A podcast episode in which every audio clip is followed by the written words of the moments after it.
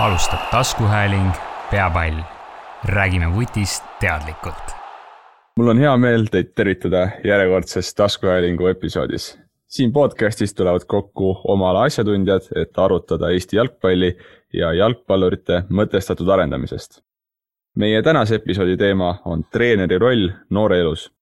miks ja kui suurt mõju saab treener lapse arengule tekitada? lisaks räägime väärtustest, elulistest oskustest, mille õpetamisele võiks treener mõelda. mina olen Silver Grauberg ja minuga koos on siin stuudios Auli Andersalu Targo ning Toomas Hurt. Auli on tegutsenud psühholoogina ligi kakskümmend aastat. ta töötab koolitaja ning koolipsühholoogina. spordimaailmaga oskab ta ilmselt hästi suhestuda, sest on pidanud Audenteses koolipsühholoogi ametit. tervist, Auli! Ja tere päevast. Äh, kuidas sulle tundub, kas teismeeas noor kuulab rohkem oma treenerit või lapsevanemat? ma olen täiesti veendunud selles, et äh, see inimene, keda ta rohkem kuulab, on inimene, kellega tal on parem suhe. seega, kui kodus on väga head suhted perekonnaliikmete vahel, kui nad suudavad otse omavahel rääkida ka olulistel teemadel, siis on see vanemate mõjuvõim päris suur, aga kui nüüd on äh, selline pere, kus ei ole väga palju sellist otsesuhtlust või vanemad on väga hõivatud mingisuguste oma teemadega, tööl käimisega või raskustega, siis äh, väga suure tõenäosusega tõesti võibki olla treener see inimene, keda kuulab see noor rohkem, kelle käest ta võib saada ka, ma arvan, et selliseid võib-olla äh, uusi või olulisi väärtusi ellusuhtumist, suhtlemisoskusi, ehk siis äh, ma olen selles mõttes küll täitsa veendunud ja kui ma mõtlen ka omaenda töökogemuse peale Audentese spordigümnaasiumi noortega, siis treenerite roll nende elus on väga tähtis, eriti just siis, kui noor inimene mõtleb äh, sportlase karjääri peale tõsisemalt, võib-olla ka tippsportlase karjäärile ja kui ta näiteks ka tõesti ei viibigi nii palju kodus, kui ta on lihtsalt rohkem ära oma sporditegevuse tõttu selle seltskonnaga, noh, kes jagab temaga sellist sama väärtuste süsteemi, siis treeneri roll on, on väga-väga mõjuvõimas, ma arvan mm. -hmm ehk siis kummagi, et oleneb kumma osapoolega, siis kas lapsevanemaga või treeneriga on tal niisugune lähedasem ja äh, või ütleme, tihedam kontakt, et äh, siis sellest nagu sõltub? tead, see sõltub jah sellest ja samas vaata see tihedam kontakt ei pruugi alati olla ka, ta võib olla erineva mõjuga, ta võib olla positiivse mõjuga, aga ka negatiivse mõjuga kui me mõtleme võib-olla näiteks pere peale, kus on noh, ma ei tea, kas vanemal on endal näiteks sõltuvushäire või on lihtsalt väga selline autoritaarne ja ei ole lapse suhtes alati väga empaatiline, ei suuda teda mõista, ei suuda teda kuulata, siis see tihe kontakt võib olla ka negatiivse mõjuga. ja ma arvan, et see suhe äh, lapse ja siis selle täiskasvanu vahel äh, on just nimelt selles mõttes väga tähtis, et milline on selle suhte niisugune iseloom või kvaliteet ja minu meelest on veel üks tähtis äh, mõte selles, et suhte loomist alustab täiskasvanu, kes on küpsem, kes on elutargem, kes suure tõenäosusega oskab suhelda rohkem erinevate inimestega. et see ei pea olema selle, noh, eriti just laste puhul, see ei pea olema justkui nagu tema vastutus, et saada kontakti või saada kuidagi tuttavaks selle treeneriga. vaid selle liigutuse, selle käigu peaks tegema siis see täiskasvanu ise esimesena mm. -hmm. aga see oli päris huvitav mõte, mis sa juba tõid välja, et see et kui noor mõtleb sportlaskarjääri peale, siis seda suuremaks muutub see treeneri tähtsus tema mõttemaailmas siis. ja ikka ja siis ta noh, eks ma olen seal äh, oma noorte hulgas näinud ühte ja ühe ja teistsuguse taustaga inimesi, et päris paljud on need, kellel juba perekonnas on spordiga tegelevaid täiskasvanuid. aga samas on ka neid, kes on tulnud sellisest perekonnast, kus ei tegeleta kindlasti mitte tippspordiga võib-olla ka mitte sellise lihtsalt tervisespordiga. et nende noorte jaoks ju on siis see treener või ütleme siis see treenerite süsteem pigem on selleks infoallikaks, kust saada niisugust usaldusväärset infot, et kuidas ma pean treenima, kui suure koormusega, kui palju ma pean pause tegema, kuidas ma pean puhkama, kuidas ma pean toituma, et kui ta kodus seda infot ise noh, ei saa, sest perekonnal pole selliseid teadmisi, siis ta ilmselt hakkabki otsima, kas ma ise oletan, et oma treeninggrupikaaslaste käest, aga kui targad ka nemad alati on, kui adekvaatne info nendel on, vaid pigem võib-olla ikkagi ka siin treeneri käest, nende inimeste käest, kes siis teda ümbritsevad spordimaailmas. et see on, mulle tundub päris suur vastutus neile täiskasvanutele jagada sellist adekvaatset infot tema kui just nimelt inimese sellise tervikliku arenemise kohta, mitte ainult tema kui sportlane, vaid ta inimesena ka oskaks areneda niisuguses heas suunas. Väga huvitav, äh, aga meie teine saatekülaline on äh, Toomas Urt, nagu ennist juba mainisin. et äh, Toomas Urt on lapsevanem ja endine ettevõtja. praegu töötab ta FC Floras noortetreenerina. tervist, Toomas. tere. Toomas, kas sul on mõni eluline oskus või väärtushinnang, mida sa tahaksid oma noortele õpetada, aga selle treeneri positsiooni tõttu sa ei saa seda teha? no naljaga pooleks võiks öelda, et, et jah, mul poolelikki on, aga ma ei saa sellest rääkida, sest mängijad ja, ja, ja nende lapsevanemad võivad ju praegu kuulda seda, eks ole aga, aga kui tõsiselt, siis äh, kindlasti mitte sest äh, ma ei kujuta ette sellist olukorda, et äh, siis nii-öelda tava või, või lihtkodanikuna võiks olla mingisugune, mul mingisugune hoiak või, või, või väärtushinnang, millest ma saan vabalt rääkida ja, ja, ja siis treenerina ma sellest nagu ei tohiks rääkida. et äh, minu jaoks tundub kummaline ja, ja, ja noh, arusaamatu, et tihtipeale räägitakse mingisugusest äh, siis ametieetikast, noh, ma ei tea, jah, sa mainisid, ma olen äriringkondades võib-olla mingil ajal natuke tihedamini seotud olnud. oli kunagi selline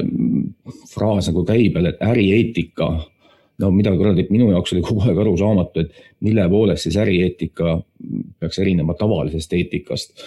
kas siis, äh, mis, mis eetikat siis veel on olemas, ma ei tea, kas poliitiline eetika, et, kas ärimees siis ütleme siis kasumi teenimise nimel võiks nagu äh, oma klientidele mütsi pähe tõmmata või, või, või poliitika häälte saamise nimel võiks valijatele valetada. no, no juhtub ikka vahest, eks ole, aga või, või, või on treeneril siis mingisugune teine asi, mida ta siis äh, noh, trennis võib kasutada. Et äh, noh, minu jaoks tundub see väga kummaline ja, ja selline topeltmoraal. see on pigem, äh, pigem ikkagi lühi, lühinägelik ja, ja, ja pikaajaliselt ei, ei, ei ole see jätkusuutlik ehk siis sinu hinnangul ei ole ühtegi äh, väärtuspõhist asja, mida sa peaksid äh, siis, mida sa, mida, mida sa ei saaks õpetada oma noortele. et kõik, mida sa tahad, sa saad. Kindlasti ei ole sellist asja, ma ei, vähemalt ma ei suuda välja mõelda ühtegi praegu sellist, äh, sellist, sellist asja või, või noh, eriti kui me räägime väärtushinnangutest mm. -hmm. okei okay,, on loomulikult mingisugused käitumis äh, normid noh, ealistest iseärastust tulenevalt, mis, mis, mis noh, ma ei tea, lastele ei müüda alkoholi poes, eks ole, kasvõi kõige lihtsam näide. aga kui me räägime väärtustest ja, ja, ja mingitest hoiakutest, eeskujudest, siis ei saa olla, et, et, et ma nüüd, kui ma sisenen staadionile, et, et siis ma kuidagi transformeerun mingisuguseks muuks isikuks, kellel on teistsugused väärtushinnangud mm. -hmm. See, see ei ole võimalik, väärtushinnangud on, ütleme nii, et need on kivisse raiutud dogmad mm. -hmm. väga hea äh,, Auli natukene puudutas ka juba seda teemat, aga ma alustan ühe väitega, et äh, jalgpallitreener veedab neli kuni viis korda nädalas lapsega kehaliselt aktiivset aega, vähemalt üks koma viis tundi järjest. õhtul koju minnes veedab seesama laps oma aja toas õppides ja telefonis või arvutis olles. see tähendab, et treener on tegelikult kõige suurema mõjuga täiskasvanu lapse arengu kontekstis? no mina võin sellele anda hinnangu nii lapsevanema kui, kui treenerina. aga ma võib-olla vastaks sellele küsimusele äh, tsiteerides iseennast äh,. Äh, UEFA B kursusel, treeneri siis kvalifikatsioonikursusel kuskil neli-viis aastat tagasi oli, oli meil kursuse siis äh, päris lõputöö, aga noh, üks nii-öelda äh, praktiline töö oli see, me pidime kirjutama siis nagu eneseanalüüsi, et vaatame ennast kõrvalt jalgpallitreenerina. ja see oli mingi kümmekond ette antud küsimust ja üks viimaseid küsimusi oli see, et tsiteerin, millised on sinu isiklikud eesmärgid jalgpallitreenerina? tsitaadi lõpp ja ma vastasin sellele küsimusele siis nagu kahes osas, esimene oli, mis puudutas siis äh, nii-öelda sportlikke, sportlikust vaatevinklist, jalgpalli spetsiifiliselt. jalgpallis oskuste spetsiifiliselt ja, ja teine osa siis oli selline mm, noh, kuidas nüüd öelda, natuke filosoofilisem ja, ja, ja minu vastus kõlas siis sellisena. tsitaadi algus. Kuna päris tippu jõuavad vaid väga vähesed, on tähtsal kohal noormängijate, sulud algavad loomulikult ka nende, kes tippu jõuavad, sulud lõpevad, inimesena arendamine. iga noortetreener peaks mõistma seda sotsiaalset vastutust, mis talle langeb. mida noorem on laps, seda suurem kaal on treeneri sõnadel mõnikord isegi suurem kui kodus vanemate või koolis õpetajate poolt öeldud. tsitaadi lõpp. ja ütleme, Auli minu arvates väga hästi sellest sissejuhatusest tõi välja selle, et äh, see väide, mida sa praegu õhku viskasid, Silver, et äh, treeneril on kõige suurem siis äh, täiskasvanuna kõige suurem mõju lapse arengu kontekstis siis see võib nii olla, aga ei pruugi. ja, ja, ja miks just nii, sellele Auli vastas väga, väga põhjalikult ja arusaadavalt. Ehk ma võin ainult lisada veel, et, et jah, treeneril on kindlasti selles roll ja, ja tihtipeale see roll on päris suur. Ja ma mõtlen ka, et võib-olla siin äh, üks teema veel, mis taustaks võiks meil täiskasvanutena kindlasti kogu aeg meeles mõlkuda, on lapse erinevad arenguetapid. Et kui me kohtume päris pisikestega, noh, ma ei tea, lasteaiaealistega või ka algklassi lastega, siis nendel on ikkagi selline seotus või ühtekuuluvustunne oma perega ja vanematega kindlasti suurem. Nad usuvad oma vanemaid, äh, kas nüüd just äh, päris tingimusteta, aga ikkagi vanemad on need põhilised inimesed, kui need vanemad just ei ole ise maha mänginud seda oma autoriteeti lapse kasvatamisel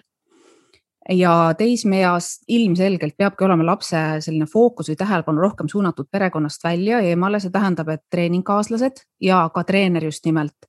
kes võiks siis olla see inimene, kes tõepoolest äh, temaga niisugust positiivset suhet loob, aga ma arvan, et siin võib-olla vahel, no ma ei tea, teil on kindlasti selles rohkem kogemusi, et kas vahel võib olla raske see, et lapsevanemate hoiakutest treeneri suhtes sõltub see, et mida ka laps sellest treenerist arvab või kui hästi ta temaga hakkab läbi saama, et kui vanemad on kuidagi negatiivselt meelestatud millegipärast, siis on ka lapsel võib-olla keerulisem saada sellist head lähedast kontakti treeneriga. Kui lapsevanemad on hästi, tõesti sellised äh, hästi toetavad, hästi teadlikult on lapse viinud sinna trenni, teades, mida sealt oodata äh,, uskudes seda, mida treener räägib siis on ka lapsel palju kergem sellist äh, treeneri mõjuvõimu, ütleme sellises mõjuvõimus olla või siis treeneri poolt pakutud infot usaldada. jah, kindlasti see võib nii olla, noh, ma, ma arvan, et, et noh, kindlasti igas asjas on olemas nii-öelda äärmused, eks ole. et, äh, et, et nende asjade puhul on tegemist pigem äärmustega ja jah, noh, niivõrd-kuivõrd muidugi üldse sellise teema juures saab rääkida mingisugusest noh, nii-öelda Harju keskmisest, see on, see, see noh, minu arvates ei ole kohane. aga noh, jällegi puhtpraktiliselt ma võin, ma võin öelda, et, et mul vist on vedanud selles suhtes, et mul, ma ei ole täheldanud nagu selliseid väga mm, noh, põhjus-tagajärg seisukohalt sellist, sellist, sellist suhtumist, aga aga noh, see piir võib olla küllaltki selline jah, nagu hägune ja, ja, ja, ja sellel teoorial on kindlasti mingi tõepõhi on all mm. -hmm. ehk siis te mõlemad ütlete, et see on äh, siis sõltuv äh, ikkagi äh, sellest konkreetsest juhtumist, et see ei ole üks või teine kindlasti? ja kindlasti. ja ma arvan, et see sõltub ka, võtame siis nüüd praegu selle tänase teema treeneri enda isikust ikkagi niivõrd palju, et kui temas endas on äh, no alustame sellest kõige baasilisemast, kui temas endas on austus iseenda suhtes ja selle tegevuse suhtes, mida ta teeb, ehk siis see treeneri töö, suhtlemine, asjade korraldamine,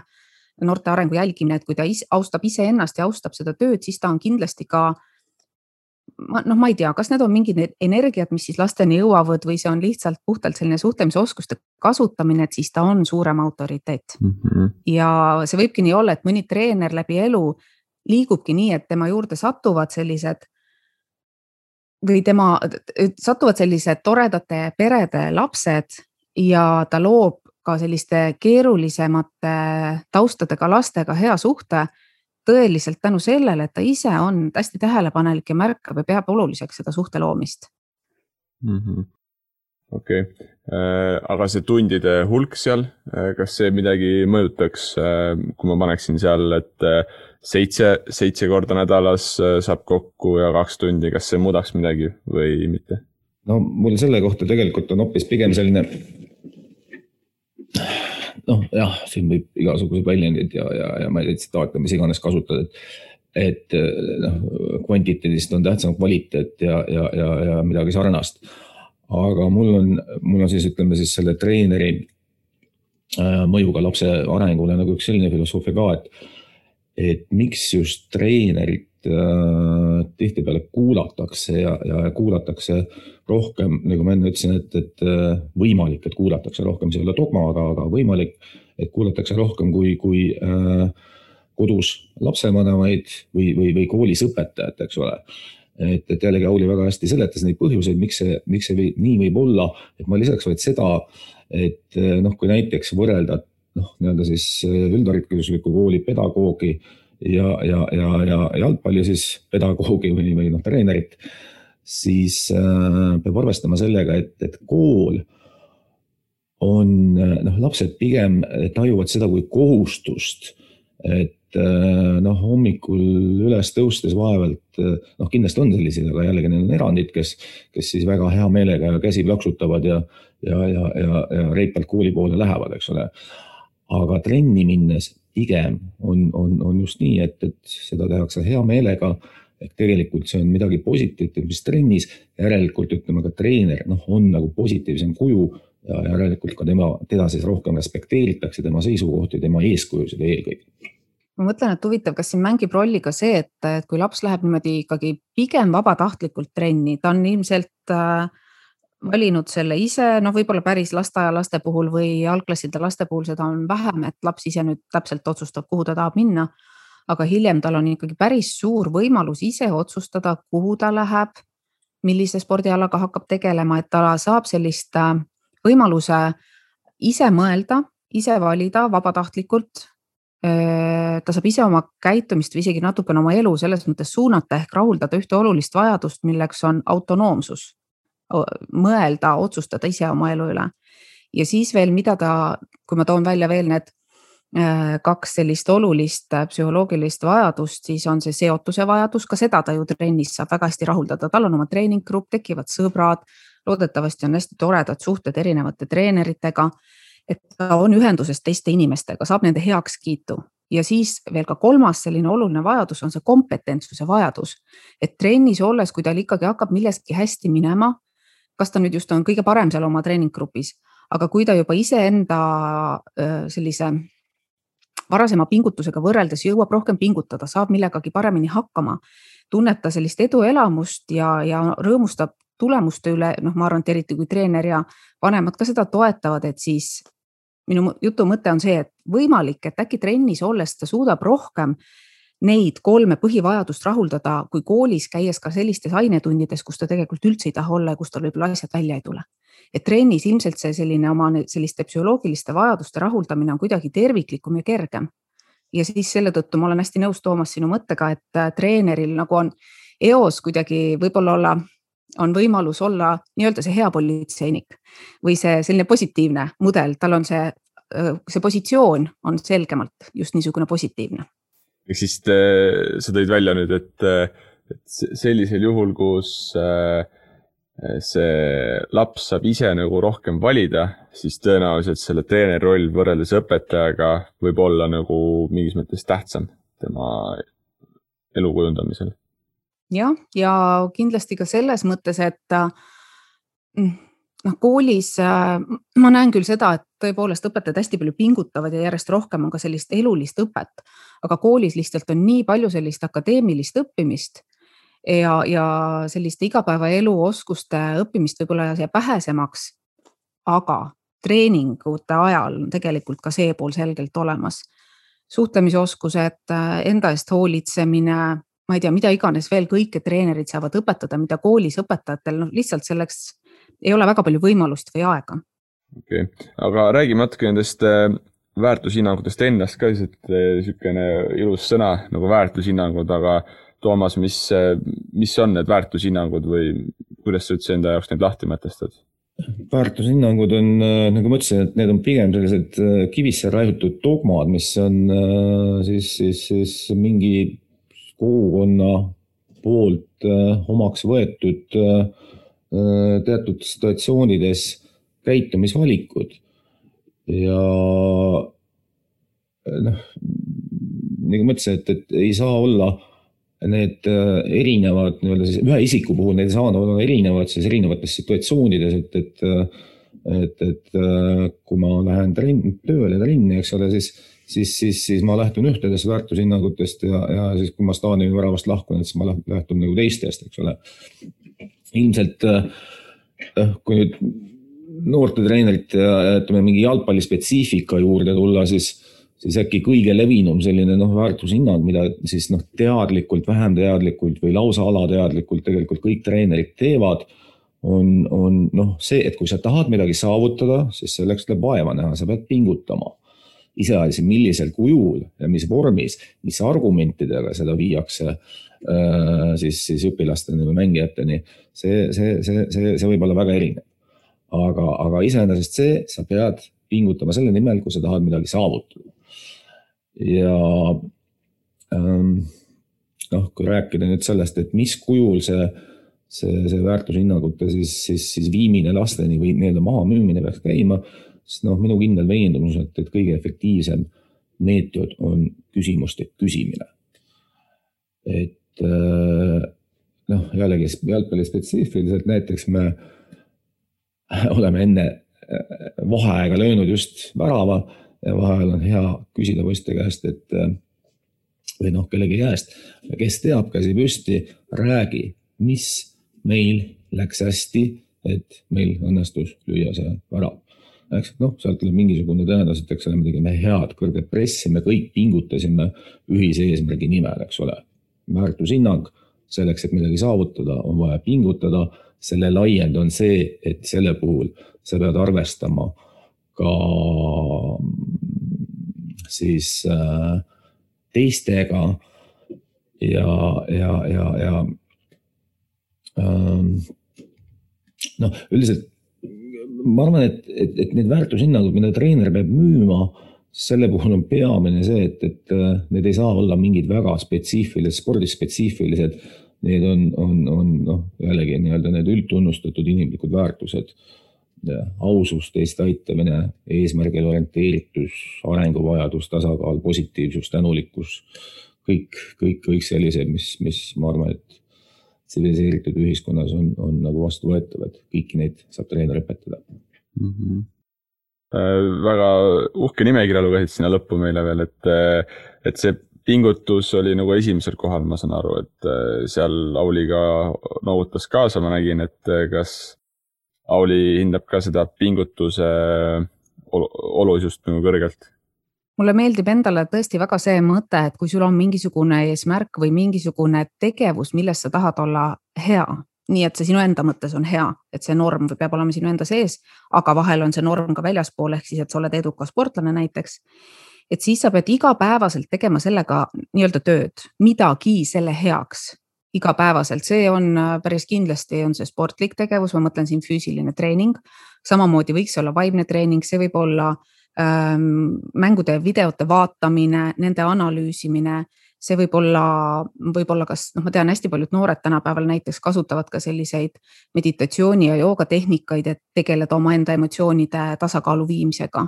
et igapäevaselt sa peaksid midagi tegema ja see ja see pingutuse teema, see on üldse üks hästi huvitav teema, et ma puutun äh, meie gümnaasiumis ka kokku äh, selliste olukordadega, et kui ma nüüd toon korraks siia kõrvale kooli teema.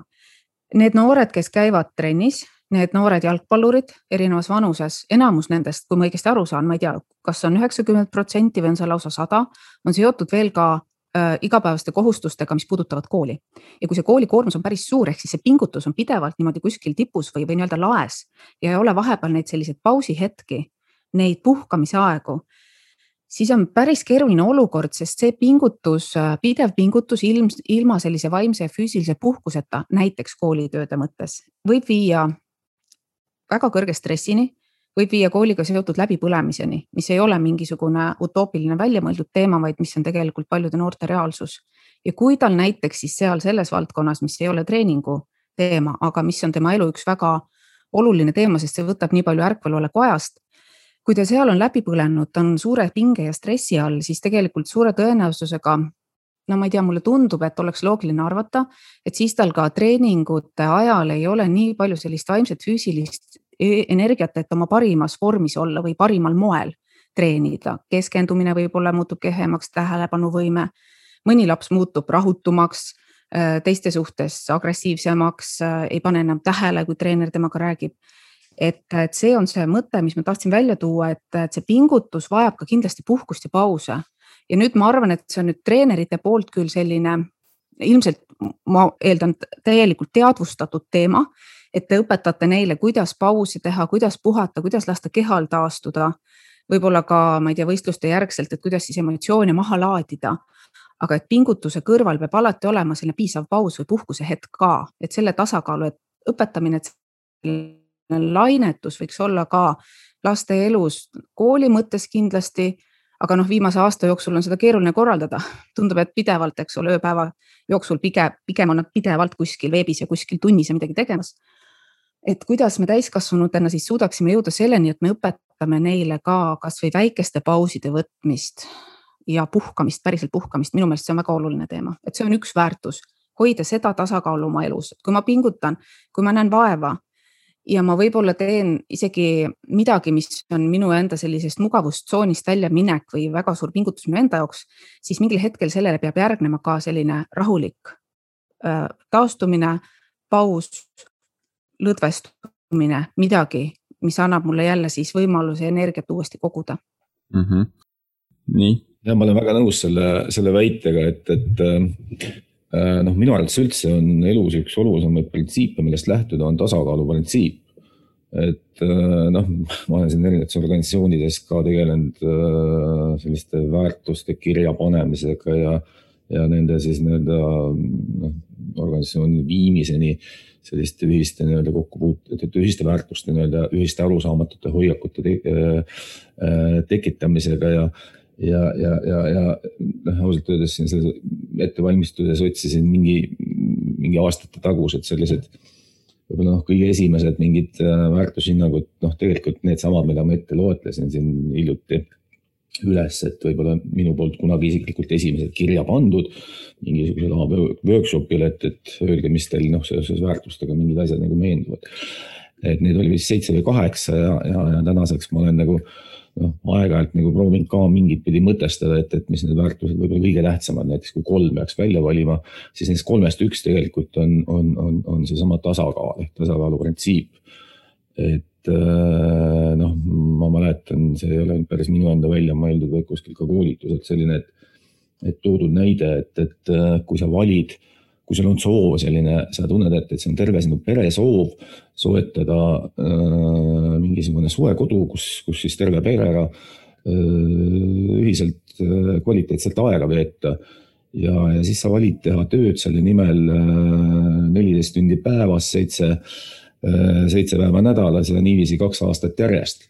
ja, ja lõpuks sa saad selle papi kokku ja ostad selle suvekodu, aga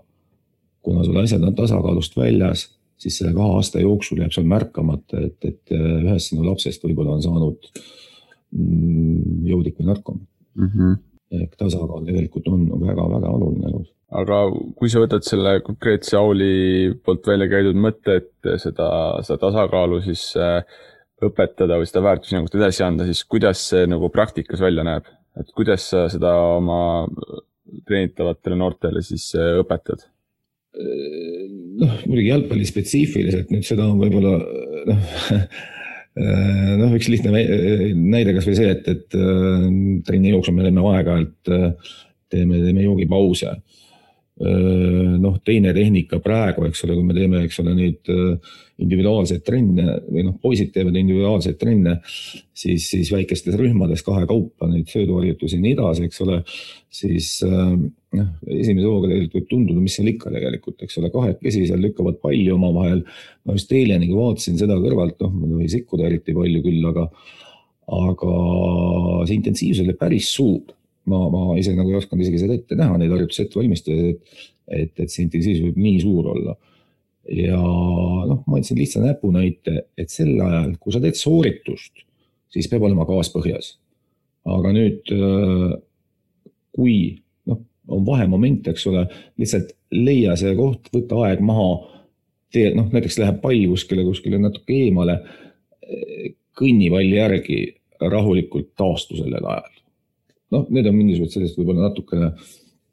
mm, lihtsustatud näited, aga, aga, aga noh, need, mis mul esimesena meelde praegu tulid mm. -hmm. no laiemas pildis, eks ole, rääkides lastele ka vajadusest, eks ole, taastuda, õigesti toituda ja nii edasi, et, et ehk pingutuse ja, ja, ja, ja taastumise vahel peab olema tasakaal ma kusjuures arvan, et, et need ei ole üldse lihtsustatud näited, seda enam, kui neid lastele, noortele tegelikult ka selgelt sõnastada, et vot nii ongi see väikese pausi võtmine et äh, noh, minu soovitus ja mõte on selles, et kui sul on, äh, kui ma vaatan seda noort jälle niimoodi tervikuna, et terve päev on tal mingid tegevused, et ta võiks, ma ei tea, kui tal on, kas märkmik, äh, päevik, mingi koht või on tal võimalik kuskile panna postid paberid või on tal mingisugune silme ees endal kodus mõni tahvel, mis iganes koht, kus on kirjas, et millal on need pausiajad panna oma päevas plaani sisse päriselt ka sellised pausid, mis ei pea olema pikad tunniajalised lõunapausid, need võivad olla ka lühemad, näiteks õppimise vahel või siis trenni järgselt. Ja nendest ka kinni pidada, et nad harjuksid varakult sellega, et nad ei oleks, kuidas ma ütlen, et nad ei oleks nagu nii-öelda ülekoormatud selle pideva pingutuse vajadusega, sest et mulle tundub, et ikkagi hästi palju meie ühiskond praegu sellist äh, väärtustab või toob esile seda, et me pingutame, haigena käime ka tööl, noh, nüüd juba tuleb vastupidi õnneks seda poolt, et haigena ei käi tööl ja ei tee igasuguseid muid selliseid lollusi iseenda tervise nimel. aga et võib-olla need väikesed nipid ongi see, et sul ongi päevaplaanis päriselt olemas see aeg, kus sa puhkad ilma ekraanita sealjuures. Oleks eriti tore puhata niimoodi, et sa vaatad näiteks aknast välja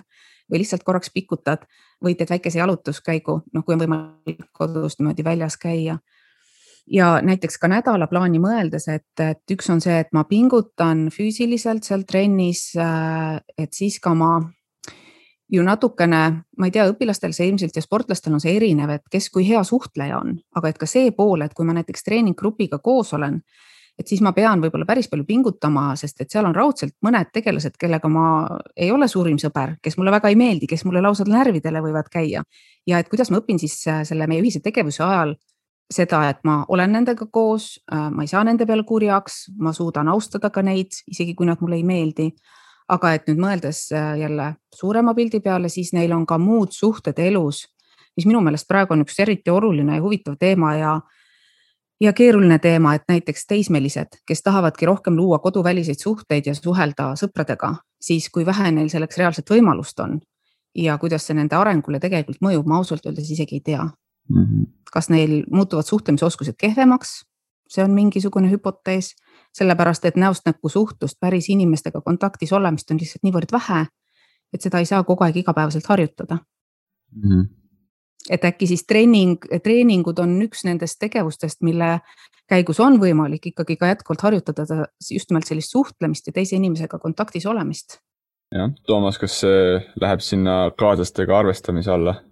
jaa, trenn kindlasti annab äh, võimaluse sotsiaalseks suhtumiseks, suhtlemiseks siis, siis oma trennikaaslastega, eks ole, noh, laiendades seda mõtet, siis mängud noh, mingid võistlusmängud, turniirid, eks ole, see, see, see suhtlusring võib veel laiemaks minna. ja jah, jah, ja ka see õpetab seda, et, et äh, sa pead ka teistega arvestama ja, ja hindama ka teiste nii-öelda siis seda pingutust ja, ja, ja mingisuguse ühise eesmärgi nimel. aga kuidas treener saab seda äh, toetada siis või, või kuidas see välja näeb, see protsess? et sa aitad sellel tekkida, sellisel oskusel? no näiteks hiljuti, kui ma saatsin välja mm, järjekordset nädala siis treeningkava, siis äh, ma panin sinna mingisugused soovitused mängijatele ja mingisugused nii-öelda siis äh, tähtsamad äh, punktid, millest nad peaksid juhinduma. ja üks näiteks oli see, et äh, ma tsitaati täpselt ei mäleta, aga mõte oli selles, et äh, kui sa trenni jätad vahele, siis eelkõige see on sinu enda probleem. aga kaudselt on tegelikult see terve võistkonna probleem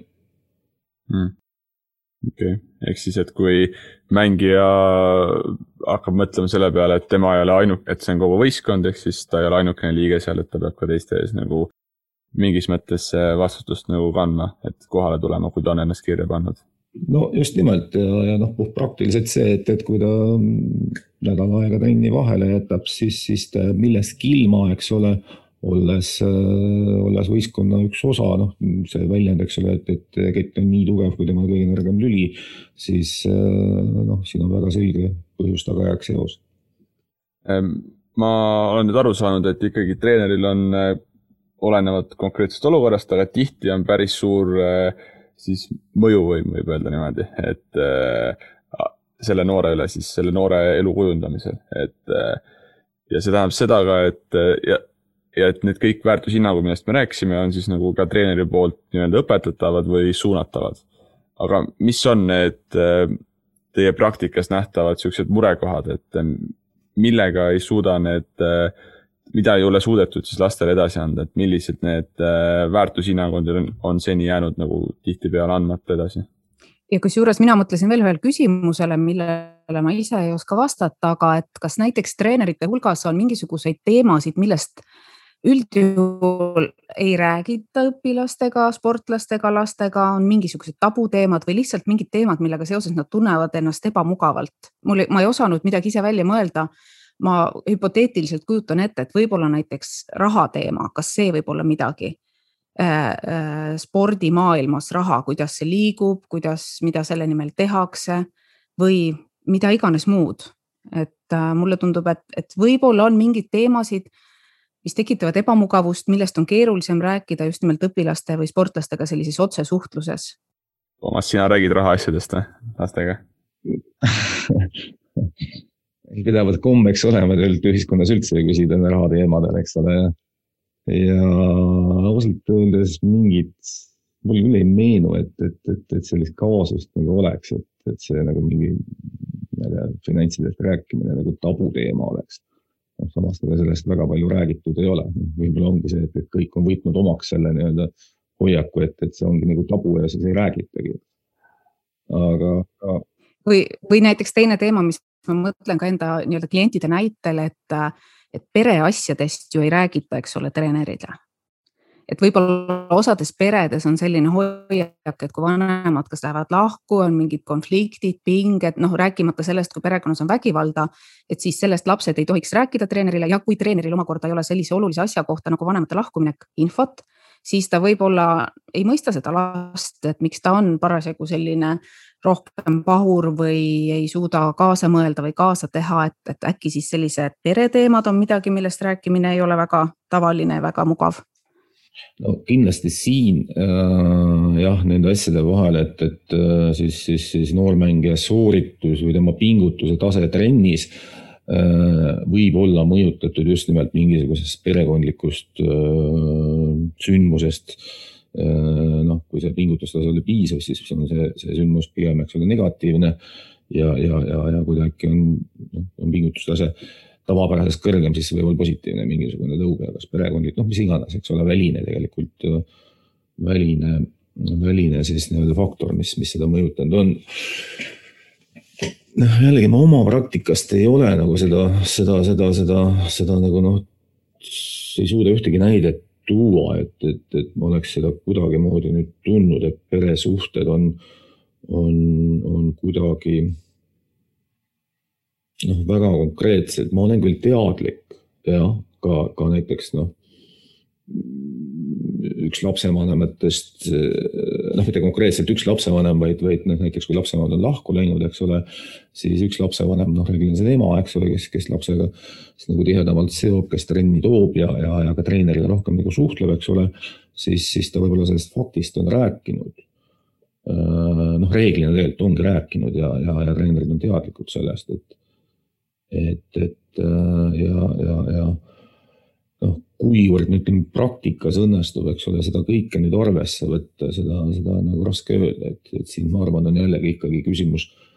selles, et äh, millised on selle treeneri enda nii-öelda tõekspidamised ja väärtushinnangud, kui kavatsused ja hoiakud on õiged siis, siis tõenäoliselt sa, sa leiad ka selle nii-öelda õige käitumisviisi või reageerimisviisi siis äh, konkreetse lapse mingisugusele tegevusele või tegevusetusele. Mul, mul tekkis üks väike veel üks, üks küsimus, mul on nii huvitav, ma saan nüüd ise ka nii palju targemaks, saan teada mingeid asju, mille peale ma võib-olla pole tulnud, aga mul tekkis väike seos ja ma mõtlesin, et kas nii ongi või et ma kuulsin praegu, et emad on üldjuhul need, kes äh, viivad, toovad, räägivad. koolis ma tean, et see on väga tavaline, emad on kaasas, emad vaatavad e-kooli, emad äh, käivad õpetajaga arenguvestlustel ja mida kõike nad veel teevad, tulevad ümarlaudadele aga et isad on nagu nii palju kaugemal, et, et, et mis see raskus siis on, et neid isasid rohkem kaasata, sest noh, mina vaatan praegu veel õppiva väljaõppes oleva pereterapeudina seda, et pere on tervik, et mõlema vanemaga suhted on väga olulised ja isade selline huvi ja toetus äh, sellisele sportlikule, ka lapse sportlikule tegevusele, see on, ma arvan, väga-väga oluline. aga et äh, mis need emad siis nüüd teevad selleks, et need isad võib-olla nii palju kaasa ei jõua? Ma ei tea, kas see on nii või tegelikult isad käivad ka täpselt sama palju kaasas ja mängudel ja toetavad ja toimetavad mm,? ma võin öelda, et eh, isikliku näite puhul pigem oli jah see, et võib-olla isa oli siis mingis mõttes töökohustustega oli nagu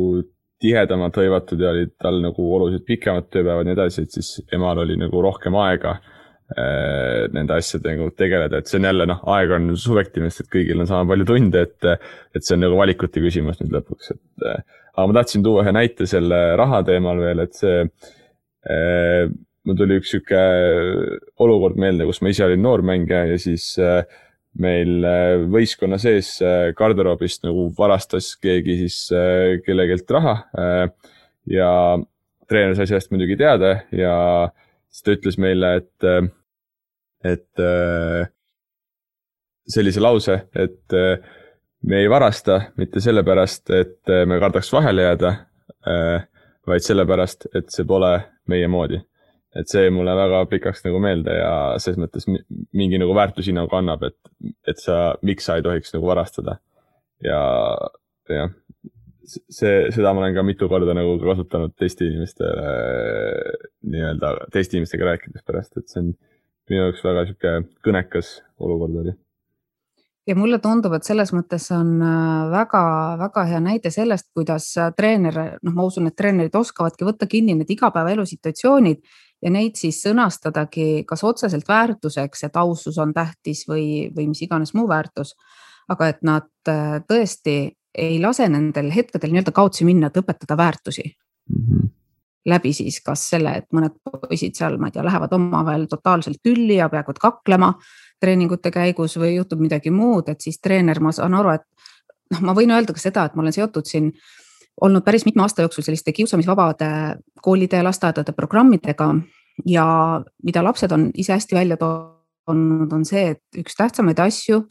selles, et nad saaksid hakkama ka võib-olla natuke keeruliste suhetega, kui on tekkinud eakaaslastega, sõpradega rasked pingelised suhted, siis väga oluline on see, et nad tahavad, et täiskasvanud märkaksid seda, paneksid tähele paneksid, tooksid selle nii-öelda lauale päriselt välja ka ja hästi toetaval ja hästi sellisel austaval moel paneksid neid lapsi-noori omavahel siis rääkima, arutlema, tegema omavahelisi kokkuleppeid. Et see, kui treener äh, vilksamisi nagu näeb, et mingi jama on, aga ta sellest välja ei tee, ma ei tea, mis väärtust see õpetab neile. pigem mina näen küll äh, psühholoogina, et väärtust õpetab see, kui ta sekkub äh, niimoodi huvitundval moel, andes vastutuse selle olukorra lahendamise eest neile samadele lastele, aga toetades neid selle lahenduse otsimisel. ehk siis selline, ma arvan, et just nimelt äh, selliste grupialade või, või rühmaalade puhul, et noh, jalgpallis päris kindlasti see üksteisega koos olemine on ju mingisugune tohutu õppetund lastele igapäevaselt ka teistega arvestamine ja konfliktidega toimetulek ja sealt nad õpivad minu meelest tohutult palju erinevaid väärtusi. sallivust, lugupidamist, enda eest seismist vajadusel mm. ja sellisel moel, et mitte teisi kahjustada ja nii edasi noh, jah, ilmselt äh, erinevatel treeneritel on äh, selliste nii-öelda konfliktide sellist konflikti, mida sa kirjeldasid, et, et poisid tõesti seal noh, nii-öelda karvupidi kuskil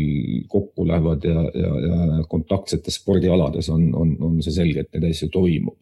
Nad ei pruugi selle juures mingisugused, äh, ma ei tea, kaagid olla või, või, või pätid, nad võivad täiesti, hästi korralikest peredest olla ja, ja igati eeskujulikud, aga, aga seda juhtub et mismoodi seda lahendada, siis, siis noh, siin on jällegi noh, nagu ma ütlesin, et tehnikas võib olla erinevaid, eks ole, et, et noh, ma võin, ma võin öelda, mida mina olen kasutanud.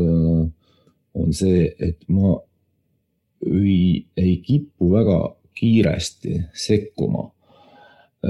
noh, aja jooksul tegelikult noh, mida kauem sa mingi treeninggrupiga oled, õpid isiksusi tundma ja, ja, ja, ja, ja, ja noh, ma olen kasutanud isegi seda, et, et kui ma näen, et, et kaks tüüpi omavahel lähevad noh, füüsilisse nii-öelda kontakti, eks ole, noh, mitte jalgpalli spetsiifiliselt, vaid siis noh, algab see jah, jalgpallis kontaktist, aga, aga eskaleerub siis juba natukene võib-olla siis mingisugusele võistluskunstide tasandile et noh, reeglina see ikkagi nii-öelda nii hulluks ei lähe, et, et keegi nüüd kedagi vigastab. noh, kui see oht on, siis loomulikult ma sekkun kohe aga üldiselt ma võib-olla lasen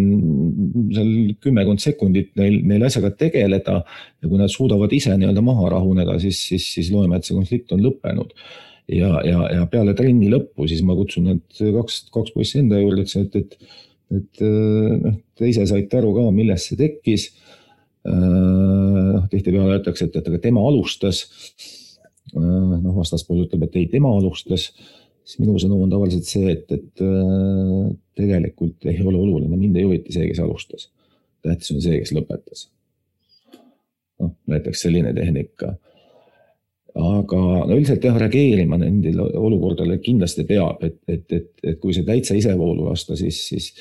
siis see, see õpetab ikkagi juba noh, väga, väga, väga valet hoiakut, et noh, see ongi nagu okei okay,, et, et äh, füüsilise jõuga mingisuguseid äh, noh, mitte ainult konfliktiolukordi, vaid, vaid ka mingisuguseid äh, vaieldavaid olukordi hakata lahendama, see, see, see võib absurdiks minna, see võib sõdadeni viia mhm. aga Auli, millest meil ikkagi siis äh, siin ühiskonnas praegu, mida me peaksime rohkem õpetama või millest meil puudu jääb? mulle tundub, et vahel jääb puudu sellest, et äh, me saaksime kõigepealt ise aru näiteks täiskasvanutena, mida me tahame mida me ootame näiteks sellelt treeninggrupilt või kuhu me tahame nendega jõuda, noh, võib-olla isegi need sellised sportlikud eesmärgid on, ma arvan, selgemad või kuidagi teadvustatud treenerite poolt ka. aga just nimelt sellised, äh, et kuhu ma tahaksin, et need minu õpilased või sportlased või mängijad jõuaksid inimestena. milliseid inimesi ma tahan neist kasvatada? noh, ma olen küll mm, treenerina, eks ole, mitte nii igapäevaselt nii palju siiski koos ei ole äh, kui lapsevanemad, kes on ka kindlasti midagi selle heaks teinud, et lapsed kasvavad mingisugusteks inimesteks. aga et kus, kas ma suudan ka läbi mõelda selle just nimelt, et millised inimesed neist saavad ja kui mul nüüd mingid omad ettekujutused on, kasvõi selle kohta, et kui nad lähevad tülli, et siis kõigepealt proovigu ise hakkama saada ja ma igal juhul vaatan, kuidas nad hakkama saavad ja vajadusel ma sekkun. et kui mul on mingid omad selged arusaamised või ootused näiteks nendele mängijatele või ka nende peredele. et siis ma neid võimalikult, ma peaksin neid võimalikult selgelt ka sõnastama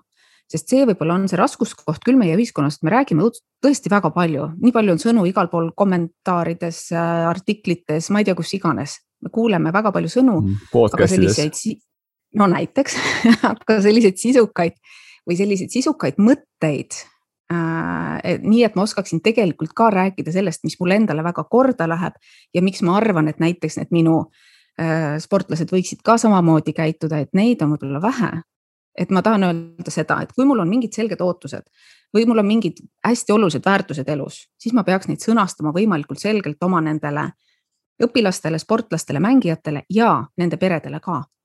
kui ma noh, ma ei tea, ma toon väga lihtsustatud näite, ma isegi ei tea, kas see on, on teil niimoodi jutuks või mitte, aga et kui minu jaoks on ülitähtis see, et nad oleksid trennis täpselt õigel ajal, vot sellel kellal. Nad oleksid juba täisvarustuses kohal täpselt selles kohas, täpselt sellel kellaajal ja ei jää hiljaks siis ma pean seda niivõrd selgelt ja konkreetselt sõnastama, kui vähegi võimalik ja ilmselt üks, kaks, kolm, neli, võib-olla isegi viis korda, et kõik ka kuuleksid ja jätaksid selle endale meelde või kui mul on mingi muu ootus näiteks vanematele, et ma väga ootan, et nad käiksid kaasas võistlustel või mingil muul moel toetaksid, et siis ka seda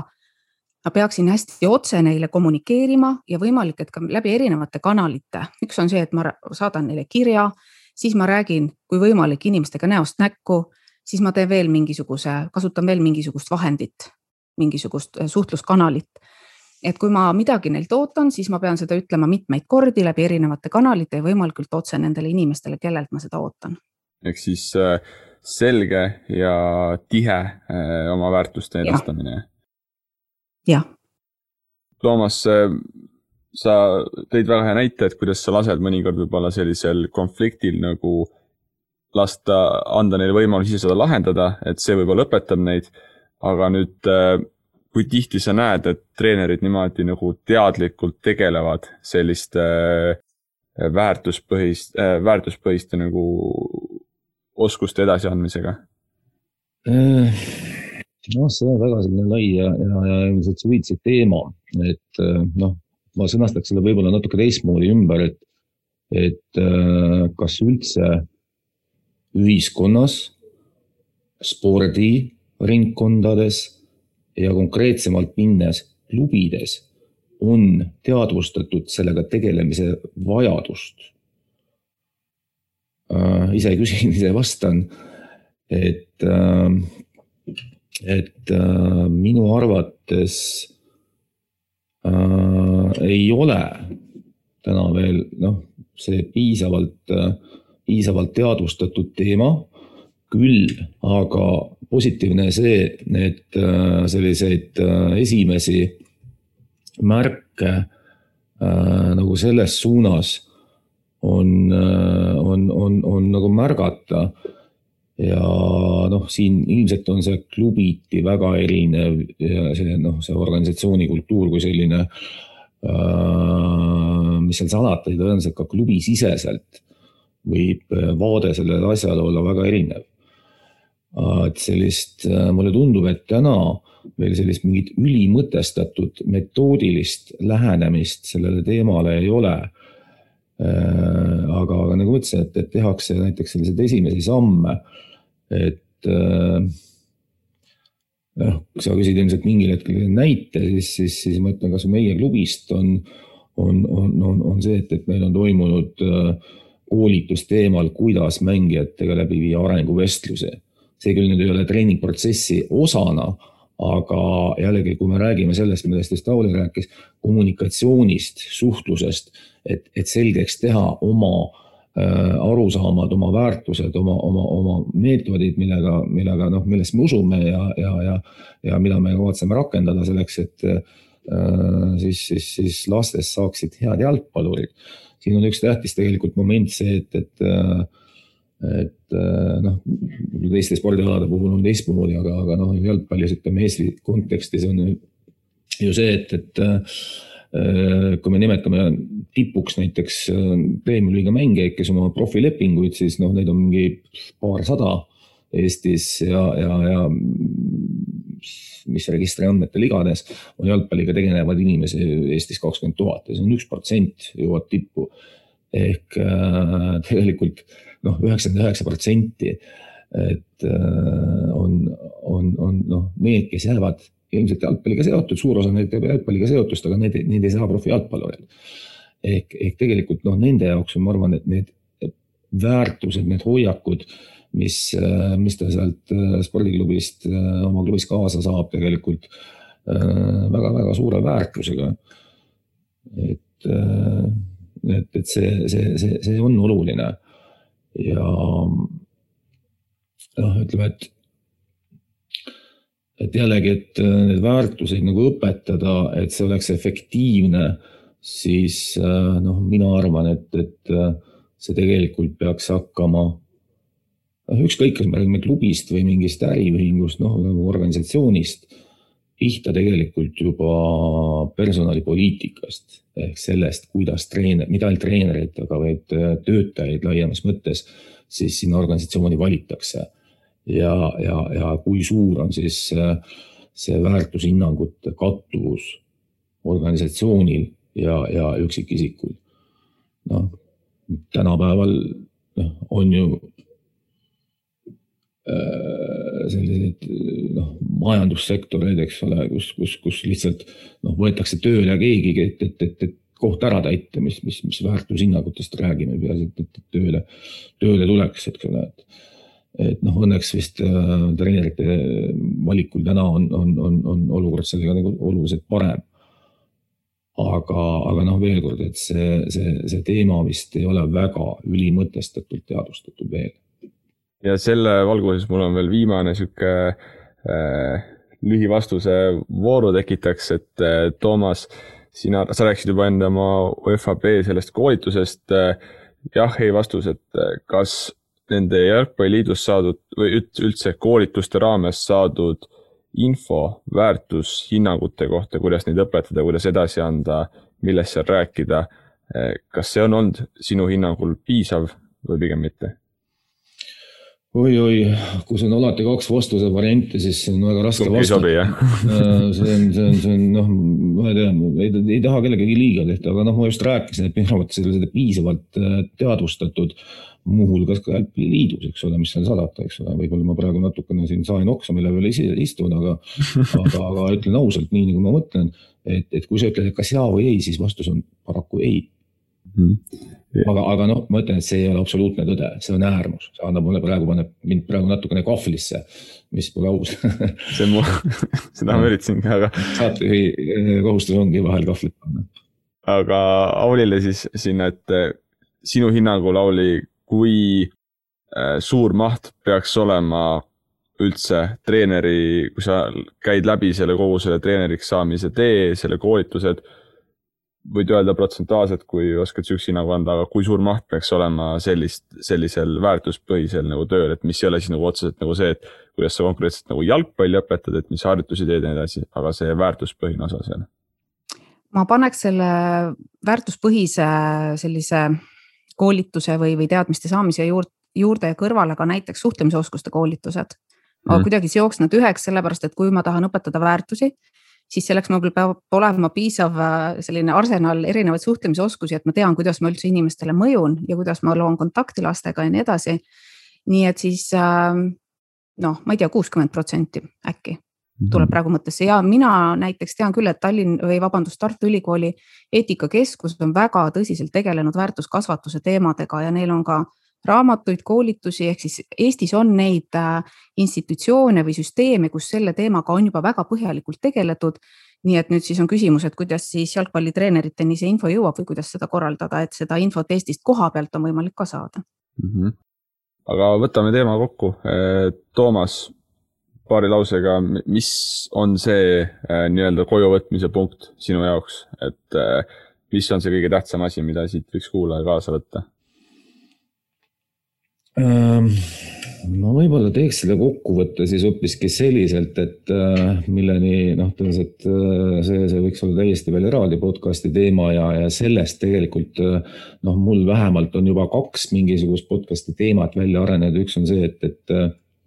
et siis lapsevanema roll, treeneri ja lapsevanema suhe, siis kuidasmoodi see, see kõige efektiivsemalt neid väärtushinnanguid lapsele siis, siis, siis, siis edasi anda. Ja, ja, ja siin on noh, ütleme selline soovitus võib-olla siis on, on, on treeneritele, millest Kauli rääkis, et, et viige oma nägemused selgelt, oma tahtmised, nõudmised ja, ja, ja, ja proovige selgitada, et, et mis on need vahendid, kuidas need äh, katsuta nagu siis saavutada äh, lapsevanemateni ehk andke neile tagasisidet isegi olukorras võib-olla, kus nad ei küsi, võib-olla nad ei oska küsida. Äh, paluge nende käest toetust ja abi. noh, a la kirjutage, ma ei tea, Facebooki gruppi tavaliselt reeglina kõigil on juba täna need, eks ole, et a la täna poistega me rääkisime sellest, sellest asjast. kui te arvate, et see on õige ja toetate mind, siis ole hea, räägi ka sina esimesel võimalusel kuidagi sellest ka veel korda üle, siis see kinnistub paremini mm.. lapsevanematele äh,, lapsevanem peab mõistma, et äh, kui ta oma lapse trenni viib, on see jalgpallitrenn või mis iganes trenn, siis paratamatult ta peab arvestama selle asjaolugu, et treener hakkab mõjutama ja mitte vähe tema lapse kujunemist, nagu me siin leidsime. Et äh, sellepärast lapsevanemad jälgige seda protsessi ja, ja, ja, ja kui te tunnete, et treenerit võib usaldada, siis äh, aidake teda ja tehke koostööd, et märksõnadeks võiks olla siis suhtlus, usaldus, toetus, sellest tekib sünergia ja, ja tagajärjeks on selline win-win suhe. Auli mm.? ma võtan ühe mõttesid kohe ka oma selliseks lõpetavaks mõtteks, milleks on see, et otsesuhtlus erinevate osapooltega. vaadates siis treeneritele otsa, ütleksin ma, et suhelge otse lastega, kui on mingid olulised teemad, mingid raskused, suhelge otse vanematega. Ehk siis tooge tõesti see hästi nähtavaks, mis on, mis vajab muutmist või millega on ka hästi, ehk andke seda peegeldust ja selle taustaks võiks omakorda see, et äh, nii vanematele kui ka treeneritele, et hoidke silmad lahti oma nende laste või mängijate suhtes, et pange tähele, mis nendega toimub. ja kui midagi tundub, et on muutunud, on keeruliseks läinud, siin praegu minus räägib selline koolipsühholoog, kes vaatab viimase aasta õpilaste vaimse tervise raskusi, et kui midagi on muutunud ja keeruliseks läinud, siis küsige, tundke huvi, selles mõttes olge toetajaks olemas nende jaoks ka, et nad ei jääks üksi. Äh, väga hea, ma enda poolt, äh, minule jäi kõlama äh, see mõte, et treener tegelikult kas teadlikult või alateadlikult lõpuks oma käitumisega on nendele lastele eeskujuks ja kujundab nende käitumist, et kas on need suured asjad, et kas sa tuled õigel ajal kohale, kuidas sa konfliktide olukordades ise toimetad, kuni niisuguste väikeste asjadeni välja, et ma ei tea, võtad prügi maast üles ja kõnnid sellest mööda või või mingisugused, et riietusruumi koristate ära pärast, kui garderoobist lahkute, võõrsil mängult näiteks lahkute või mis iganes, mingid sellised nagu äh, aspektid, millega ta tegelikult on oma äh, siis mängijate tulevikku nagu kujundab. et äh, ise olla hästi teadlik sellest, et oma käitumisega sa tegelikult mõjutad nende käitumist tulevikus. okei okay,, suur tänu meie saatekülalistele loodan, et äh, oli huvitav kuulata ja kohtumiseni juba järgmises episoodis